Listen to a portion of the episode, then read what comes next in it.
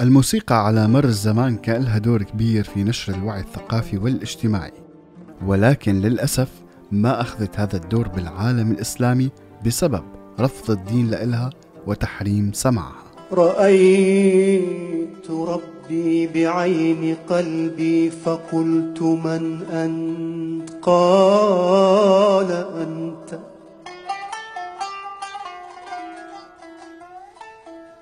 رأيت ربي بعين قلبي فقلت من أنت؟ قال أنت.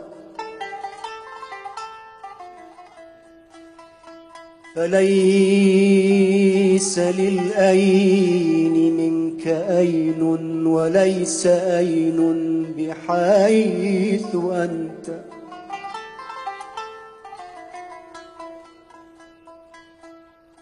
أنت الذي حست كل عين أنت الذي حست كل عين بنحو لا أين فأين أنت؟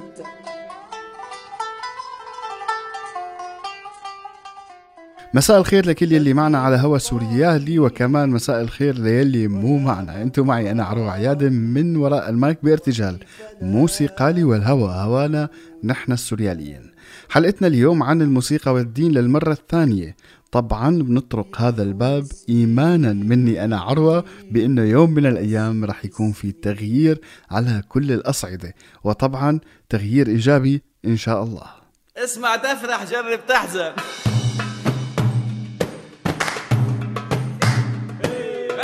اسمع تفرح جرب تحزن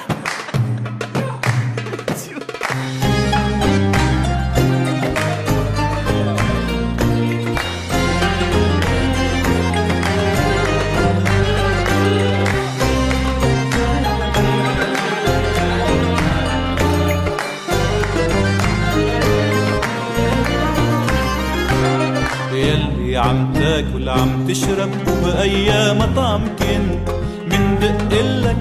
منغني لك ونسهر نحن وانت يلي عم تاكل عم تشرب وبأي مطعم كنت مندق لك ونسهر نحن وانت مني الأكلات زاد والغنيات زاد. حتى السميع زاد. لشو التغيير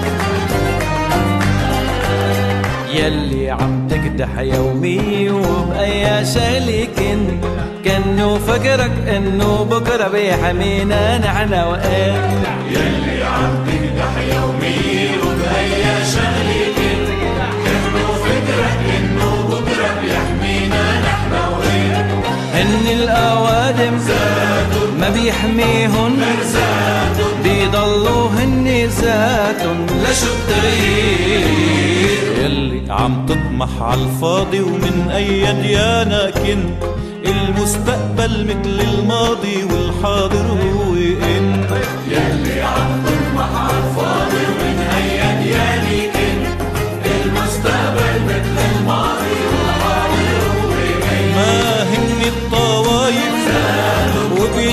وبيجتمعوا حتى يختاروا ذاتهم لشو التغيير بالحقيقة مستمعينا مسألة الغناء والموسيقى هي من المسائل المعقدة والمحيرة في الإسلام وكثيرا ما اختلف الفقهاء عنها. فمن المعروف والسائد في أواسط المجتمعات الإسلامية أن الموسيقى والغناء هما حرام ولكن من الواضح إلى أنه لا يوجد أي كلمة كراهية مباشرة للموسيقى في القرآن الكريم. لهيك أغلب التحاريم استندت على أحاديث الرسول صلى الله عليه وسلم ويلي هي تعتبر لدى المسلمين بالدرجة الثانية بعد القرآن. فروت عائشة عن النبي أنه الله حرم القينة وبيعها وثمنها وتعليمها ويقول الغزالي إن هذا الحديث يشير إلى قيان الحانات وحدهن. يعني بمعنى الغناء غناء ال- ال- المراقص الليلية يعني خلينا نقول. وروى ابن جابر أن النبي قال كان إبليس أول من ناح وأول من تغنى.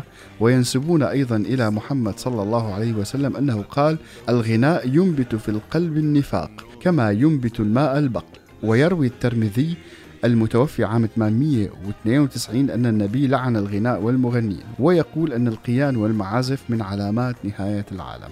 طبعا بالتأكيد هذا كله كلام غير آه، موثوق خلينا نقول. رح نحكي أكثر عن الأحاديث يلي مع الموسيقى ولكن بعد الأغنية. I know I'm waiting, waiting for something, something to happen. Me. This waiting comes with trials and challenges. Nothing in life is free. My Lord, show me right from wrong. Give me light, make me strong. I know the road is me strong. Sometimes it just gets too much. I feel that I've lost touch. I know the road is long. Make me strong. I know I'm waiting, yearning for something, something known only to me. This waiting comes with trials and challenges. Life is one mystery. I wish that somehow tell me out of love that on that day you'll forgive me. But we'll never know 'cause that's not the way it was. I beg for your mercy. My Lord, show me Give light, make me strong. I know the road is long. Make me strong. Sometimes it just gets too much. I feel that I've lost touch. I know the road is long. Make me strong. My Lord, show me right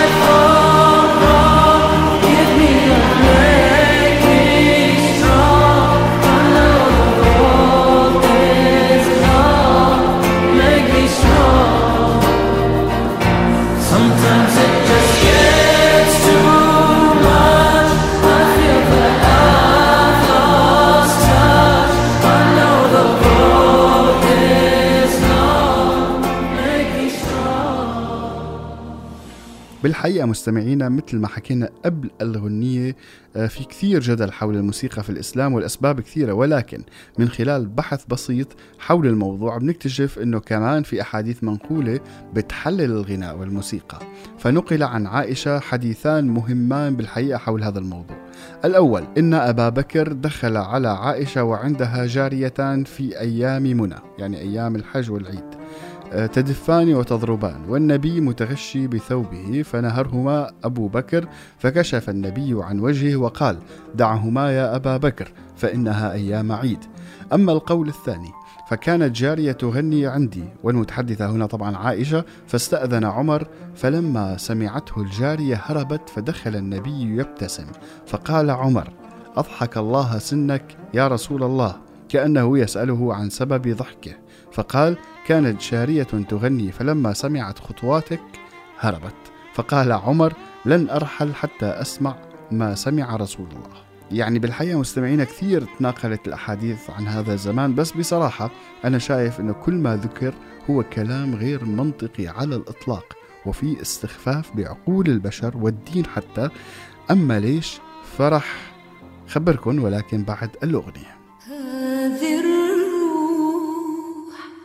تشتاق إليك هذه الروح لك تشتاق.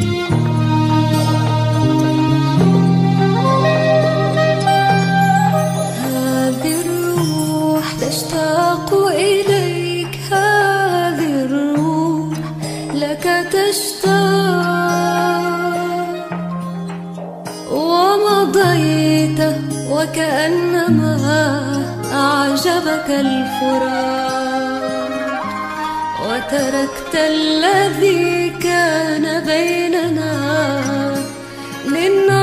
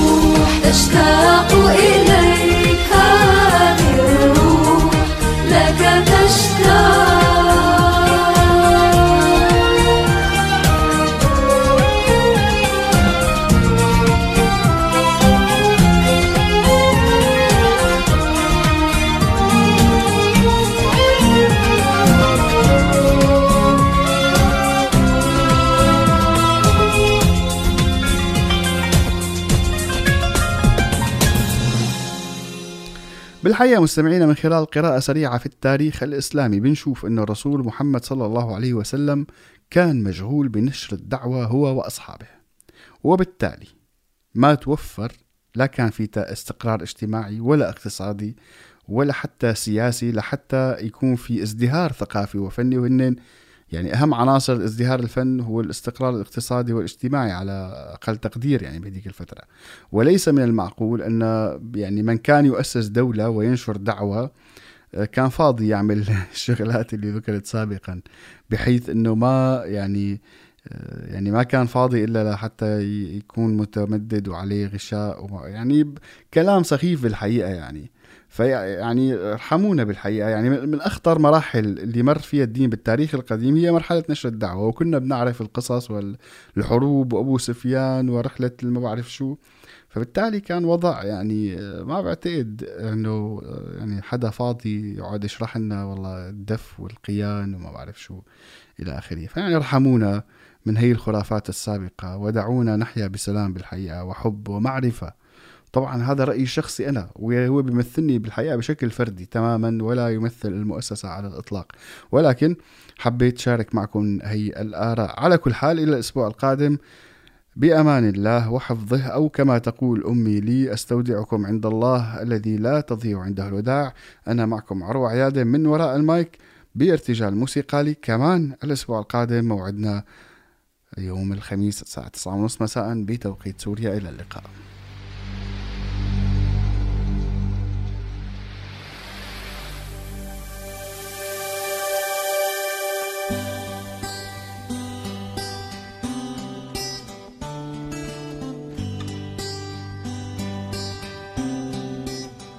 كل شي رح يغرق كلن حيفلوا.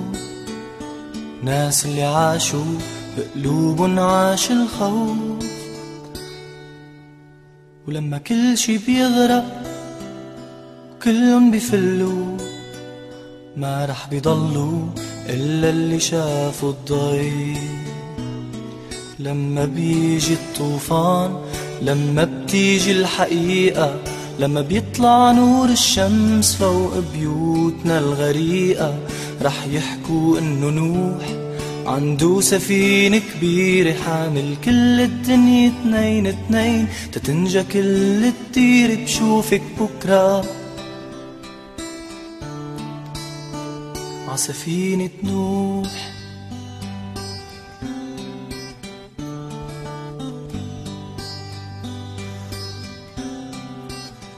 كل شي رح يغرق.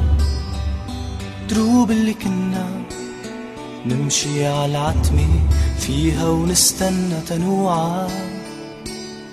على صوتي نادي صوتي غني صوتي يهني.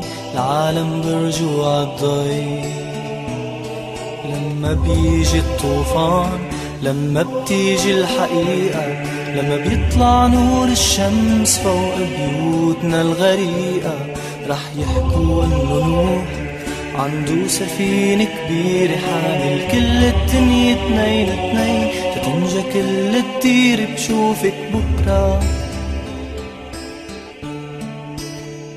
عسفينة نور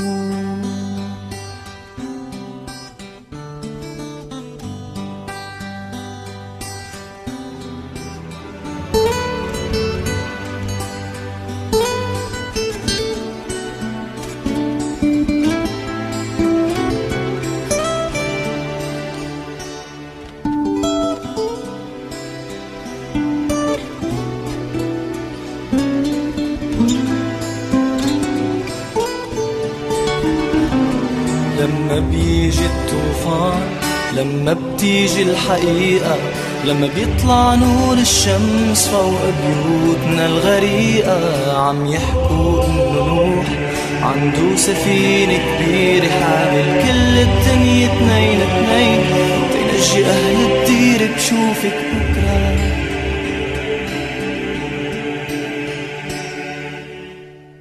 عسفينة نوح